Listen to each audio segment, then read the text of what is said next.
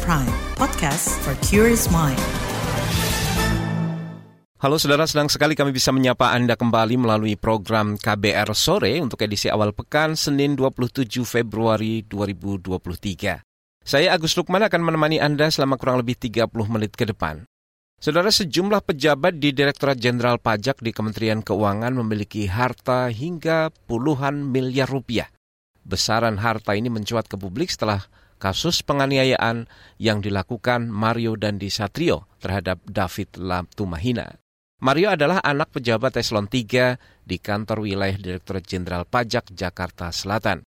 Miliaran harta pejabat pajak itu memantik perdebatan dan menimbulkan pertanyaan sebagian besar masyarakat karena dinilai tidak sebanding dengan gaji pokok dan tunjangan kinerja yang mereka terima. Lalu wajarkah harta puluhan miliar yang mereka miliki? Kita bahas lengkapnya di KBR sore.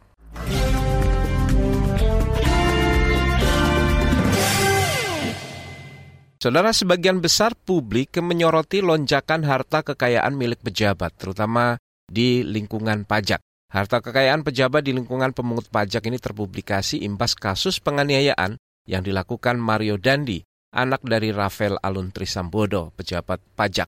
Rafael Alun memiliki harta hingga 56 miliar rupiah. Jumlah itu yang ia sampaikan dalam laporan harta kekayaan penyelenggara negara atau LHKPN ke KPK pada 2021. Besaran harta ini dinilai tidak sebanding dengan gaji pokok dan tunjangan kinerja yang ia terima. Selain Rafael Alun, publik juga menyoroti harta pejabat pajak lainnya yang melonjak seperti Dirjen Pajak Surya Utomo yang bertambah hartanya hingga 8 miliar rupiah dalam 4 tahun.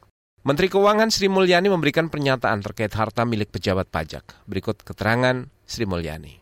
Seluruh jajaran Kementerian Keuangan pada level pejabat sesuai dengan aturan undang-undang wajib melaporkan harta kekayaan pejabat negara LHKPN dilaporkan kepada KPK dan untuk pegawai Kementerian Keuangan termasuk Direktorat Jenderal Pajak yang bukan pejabat negara bukan masuk di dalam kategori pejabat negara, mereka tetap melakukan laporan harta kekayaan atau LHK dan ini dilaporkan dan diteliti oleh Inspektorat Jenderal Kementerian Keuangan.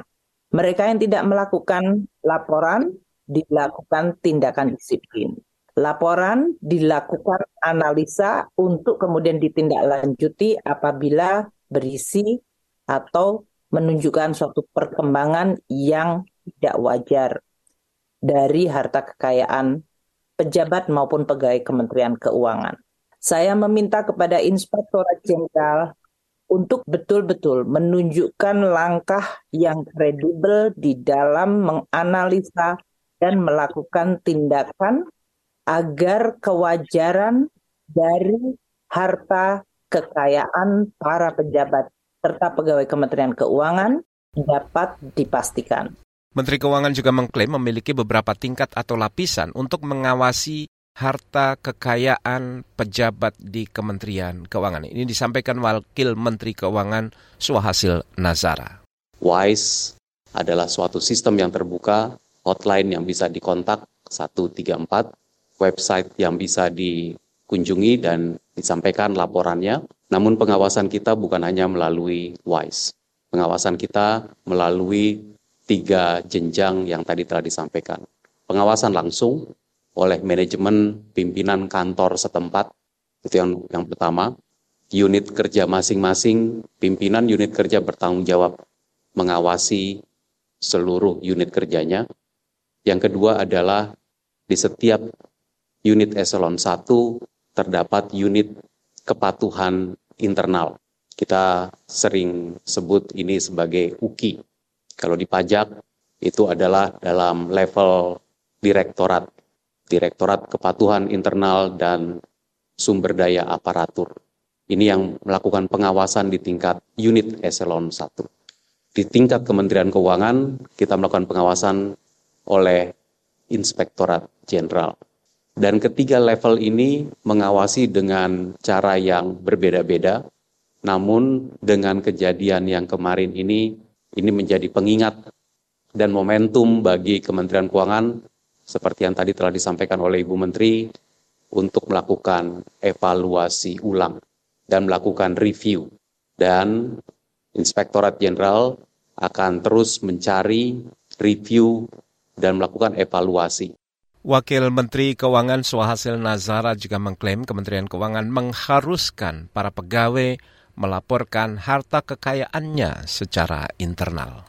Kementerian Keuangan memiliki sejumlah pejabat yang wajib lapor LHKPN. Artinya, lapornya ke dalam sistem yang langsung kepada KPK, namun kita juga bisa melihat.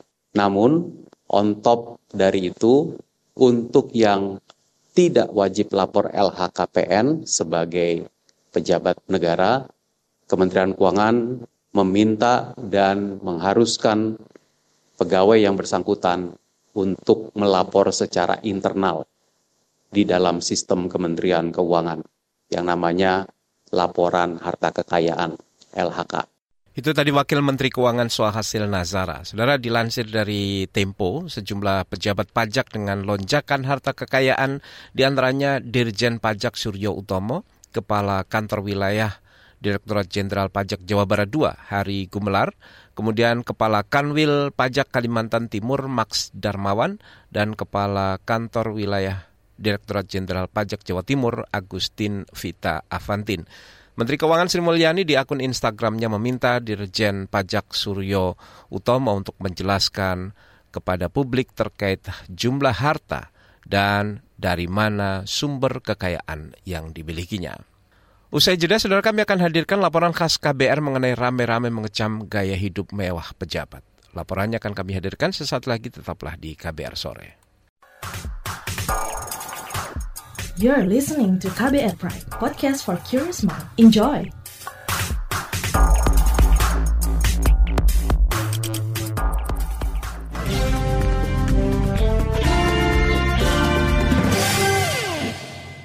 Saudara, gaya hidup mewah pejabat pemerintah akhir-akhir ini mendapat sorotan publik dari aparat kepolisian hingga pejabat pajak. Gaya hidup hedonis ini sering disebut bisa menurunkan tingkat kepercayaan publik terhadap pemerintah, apalagi jika dilakukan oleh pejabat-pejabat yang seharusnya mengayomi dan melayani masyarakat. Berikut laporan khas KBR yang disusun Astri Iwanasari. Pejabat dan pegawai di lingkungan Kementerian Keuangan mendapat sorotan tajam dari masyarakat terkait gaya hidup mewah keluarga Rafael Alun Trisambodo, seorang pejabat di Direktorat Jenderal Pajak. Perilaku keluarga Rafael itu juga memancing reaksi keras dari Menteri Keuangan Sri Mulyani. Sri Mulyani menegaskan gaya hidup mewah pejabat termasuk di lingkungan Kementerian Keuangan menurunkan kepercayaan publik pada pemerintah. Bahwa jajaran Kementerian Keuangan yang memiliki gaya hidup mewah telah menimbulkan sebuah persepsi negatif dan erosi kepercayaan dari seluruh masyarakat terhadap Kementerian Keuangan dan dalam hal ini juga Direktorat Jenderal Pajak. Ini menimbulkan pertanyaan yang sangat serius, legitimate dari masyarakat mengenai dari mana sumber kemewahan itu diperoleh. Kritik tajam juga dilontarkan Wakil Presiden Ma'ruf Amin. Ia meminta semua pejabat menghindari gaya hidup mewah dan memilih hidup sederhana. Wakil Presiden tidak ingin gaya hidup pejabat yang hedonis membuat kepercayaan masyarakat menurun.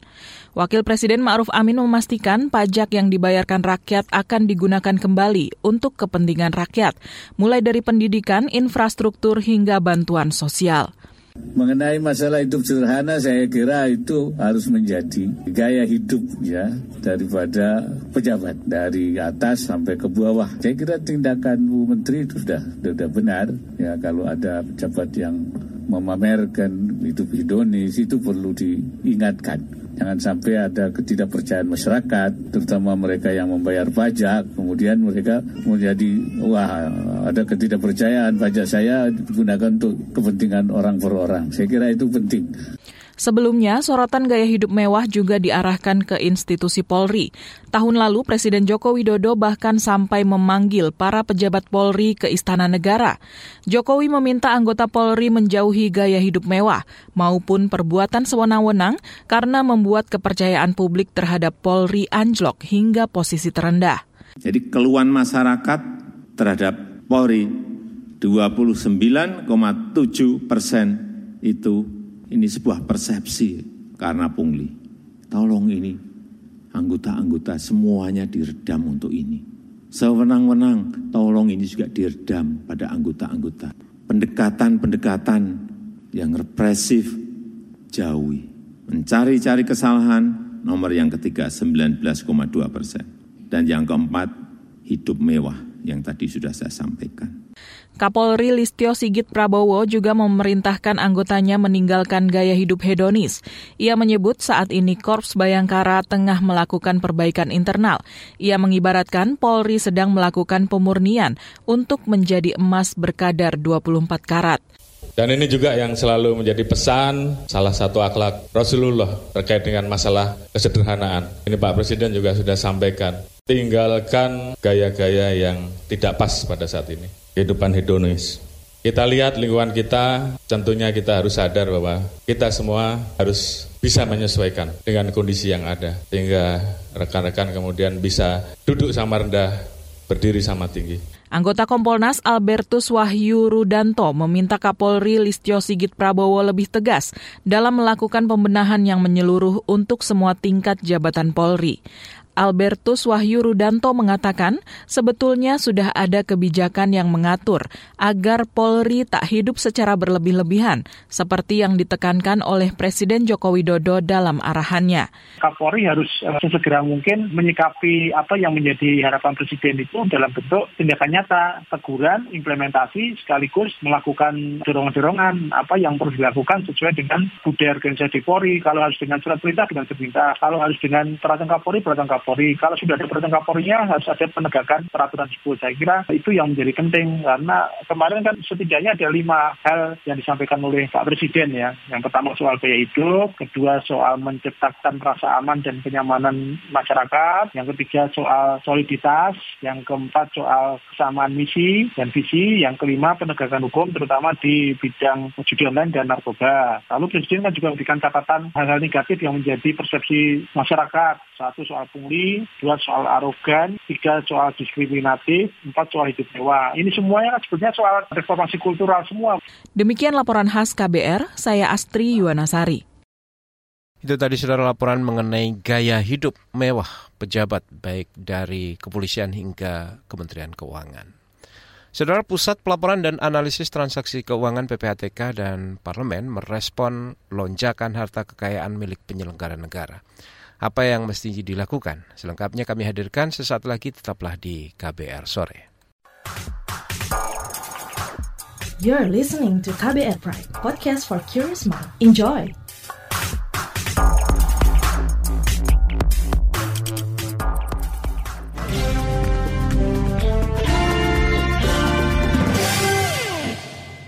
Saudara kita lanjutkan KBR sore. Kekayaan puluhan miliar milik penyelenggara negara terutama di Direktorat Jenderal Pajak memantik pertanyaan publik. Dari mana asal harta kekayaan itu?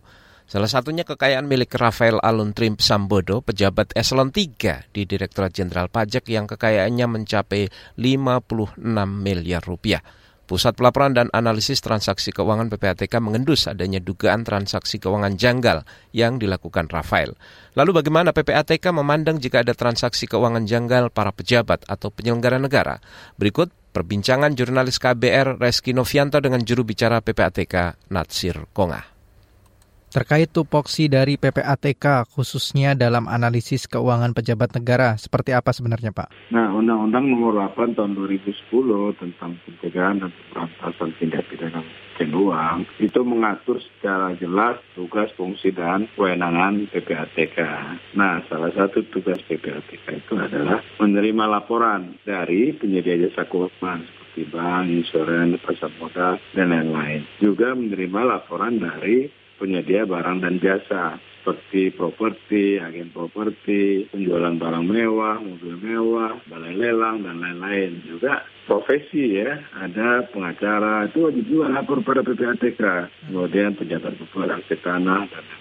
Apa yang dilaporkan kepada PPTK pertama adalah laporan transaksi keuangan mencurigakan. Apa yang dimaksud dengan transaksi keuangan mencurigakan? Salah satunya adalah menyimpang dari profil nasabah yang ada. Seorang pegawai negeri misalnya, gajinya 30 juta atau 40 juta. Satu ketika dia mendapatkan aliran 10 miliar. Kalau alas dasar transaksinya jelas, tidak ada masalah. Misalkan dia dapat harta warisan misalnya ya. Atau kemudian setelah dianalisis oleh PPATK, ternyata itu uang yang 10 miliar tadi dia mendapatkan aliran dana dari pihak di mana para pihak itu terindikasi melakukan tindak pidana pencucian uang seperti misalnya pengedar narkoba dan lain-lain.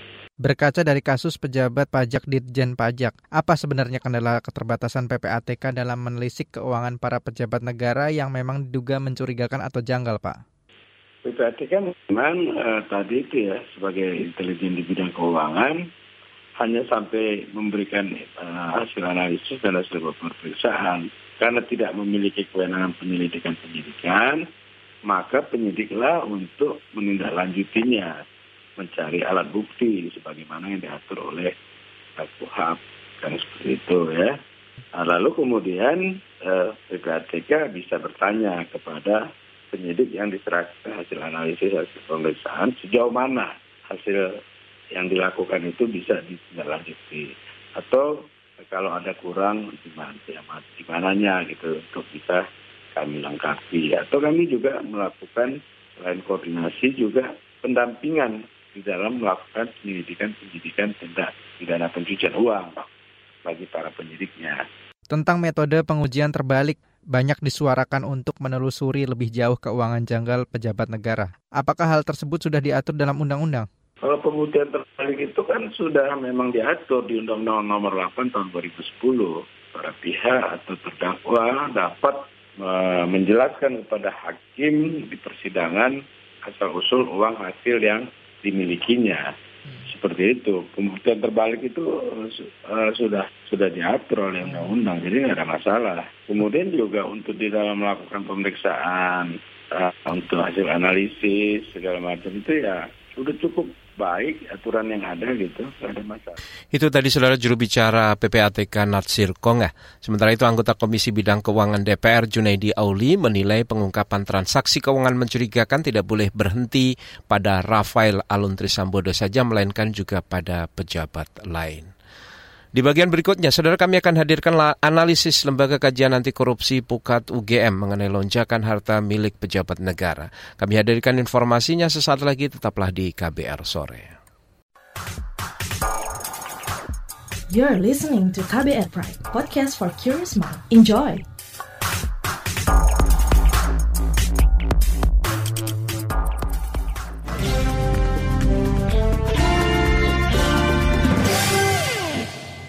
Saudara kita berada di bagian akhir KBR sore. Kekayaan puluhan miliar milik pejabat negara menjadi momentum pemerintah untuk mempercepat pengesahan rancangan undang-undang perampasan aset. Ini disampaikan Pusat Kajian Anti Korupsi Universitas Gajah Mada dalam wawancara hari ini. Apa urgensi RUU perampasan aset? Berikut perbincangan jurnalis KBR Astri Septiani bersama peneliti Pukat UGM Yuris Reza. Belakangan ini banyak disorot mengenai kekayaan fantastis pejabat negara. Hal ini dinilai juga menjadi dorongan agar pemerintah dan DPR segera membentuk undang-undang pembuktian terbalik. Bagaimana pendapat Anda? Apakah fungsi dari undang-undang tersebut dan apakah ini bisa menutup celah bagi para koruptor? Ya, Mbak Kalau memang fenomena yang hari ini muncul itu menjadi sebuah fenomena yang apa sebetulnya juga sudah menjadi dugaan publik selama ini ya. Artinya publik ya, sering kali juga sudah melihat bagaimana seorang pejabat publik memiliki kekayaan yang bisa dibilang tidak wajar. Dan kita selalu mengatakan bahwa kita belum punya mekanisme untuk uh, apa namanya menindak kekayaan dari pejabat publik yang uh, diduga didapatkan secara tidak wajar pikir melihat momentum hari ini dan uh, sudah ada RU perampasan aset yang mana di dalamnya uh, sependek uh, pengetahuan saya juga sudah memuat banyak sekali terkait dengan aturan-aturan pembuktian terbalik bagi pejabat publik dalam konteks kepemilikan harta kekayaannya, saya pikir itu bisa masuk ke situ. Momentumnya masuk ke situ. Bukan lagi mendorong undang-undang pembuktian terbalik secara terpisah, tapi saya pikir harus kita manfaatkan RUU perampasan aset ini, yang sedang dibahas oleh pemerintah DPR ini untuk bisa mengandung klausul-klausul yang kemudian semangatnya sama dengan semangat pembuktian terbalik tadi. Di mana ketika misalnya pejabat publik punya harta kekayaan yang tidak wajar dan kemudian tidak bisa membuktikan bahwa harta kekayaan itu diperoleh secara sah dan legal, artinya itu harus bisa ditampas oleh negara. Lalu saat ini kan pemerintah sebenarnya sudah ada pemberlakuan kewajiban melapor LHKPN. Apakah kebijakan ini sudah efektif? Memang Mbak ada beberapa tantangan dalam konteks kebijakan LHKPN hari ini. Kewajiban ya memang kita lihat sudah ada peraturan yang kemudian mewajibkan beberapa pejabat publik di level tertentu melaporkan LHKPN. Bahkan yang tidak wajib LHKPN juga sudah diakomodir oleh kebijakan pemerintah dengan istilah LHKASN gitu ya. Jadi uh, laporan harta ini sebetulnya sudah menjadi kebijakan yang uh, firm di Indonesia. Sayangnya memang implementasinya masih sangat uh, terbatas. Yang pertama kita tahu sendiri setiap tahun KPK sering melaporkan tingkat kepatuhannya. Tingkat kepatuhan dari pelaporan LHKPN dan, dan atau juga LHKASN ini kan juga masih uh, sangat apa terbatas. Belum semua pejabat publik yang punya kewajiban untuk melapor LHKPN melaporkan LHKPN-nya. Itu yang pertama. Nah yang kedua saya pikir juga problem di wilayah sanksi. Jadi uh, terbatasnya sanksi yang bisa diberikan kepada pejabat publik yang tidak melapor LHKPN maupun LHKSN ini juga masih belum efektif. Karena kemudian kemudian apa tidak ada sanksi yang tegas termasuk juga yang ketiga soal penindakannya ketika kemudian LHKPN ini diisi secara apa namanya dalam tanda kutip tidak jujur proses pemeriksaan itu proses pemeriksaannya pun masih sangat terbatas. Lalu sistem atau upaya-upaya apa yang bisa dilakukan pemerintah untuk mengidentifikasi kemungkinan adanya hasil korupsi di kalangan pejabat? Tentu yang pertama, seperti tadi saya sampaikan Mbak, ini momentum yang sangat baik untuk bagi pemerintah dan DPR untuk membuka dan e, membahas secara serius mengenai RUU perampasan aset. Karena bagaimanapun fenomena ini bisa bisa terakomodir ketika klausul-klausul e, misalnya tadi pembuktian terbalik, lalu kemudian pembuktian kekayaan yang tidak wajar oleh pejabat publik itu masuk dalam RUU perampasan aset. Ketika itu sudah masuk dalam RUU perampasan aset kemudian disahkan misalnya, tentu negara punya kewenangan yang lebih progresif untuk kemudian memeriksa bahkan juga menyita merampas gitu ya merampas aset-aset pejabat publik yang tidak bisa dibuktikan. Itu tadi saudara peneliti di Pusat Kajian Anti Korupsi Universitas Gajah Mada Pukat UGM Yuris Reza. Informasi tadi menutup jumpa kita di KBR sore edisi awal pekan Senin 27 Februari 2023. Saya Agus Lukman bersama tim yang bertugas kami undur diri. Salam.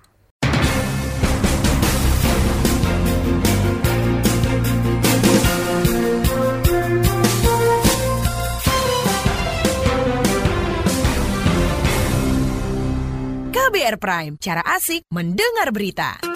KBR Prime, podcast for curious mind.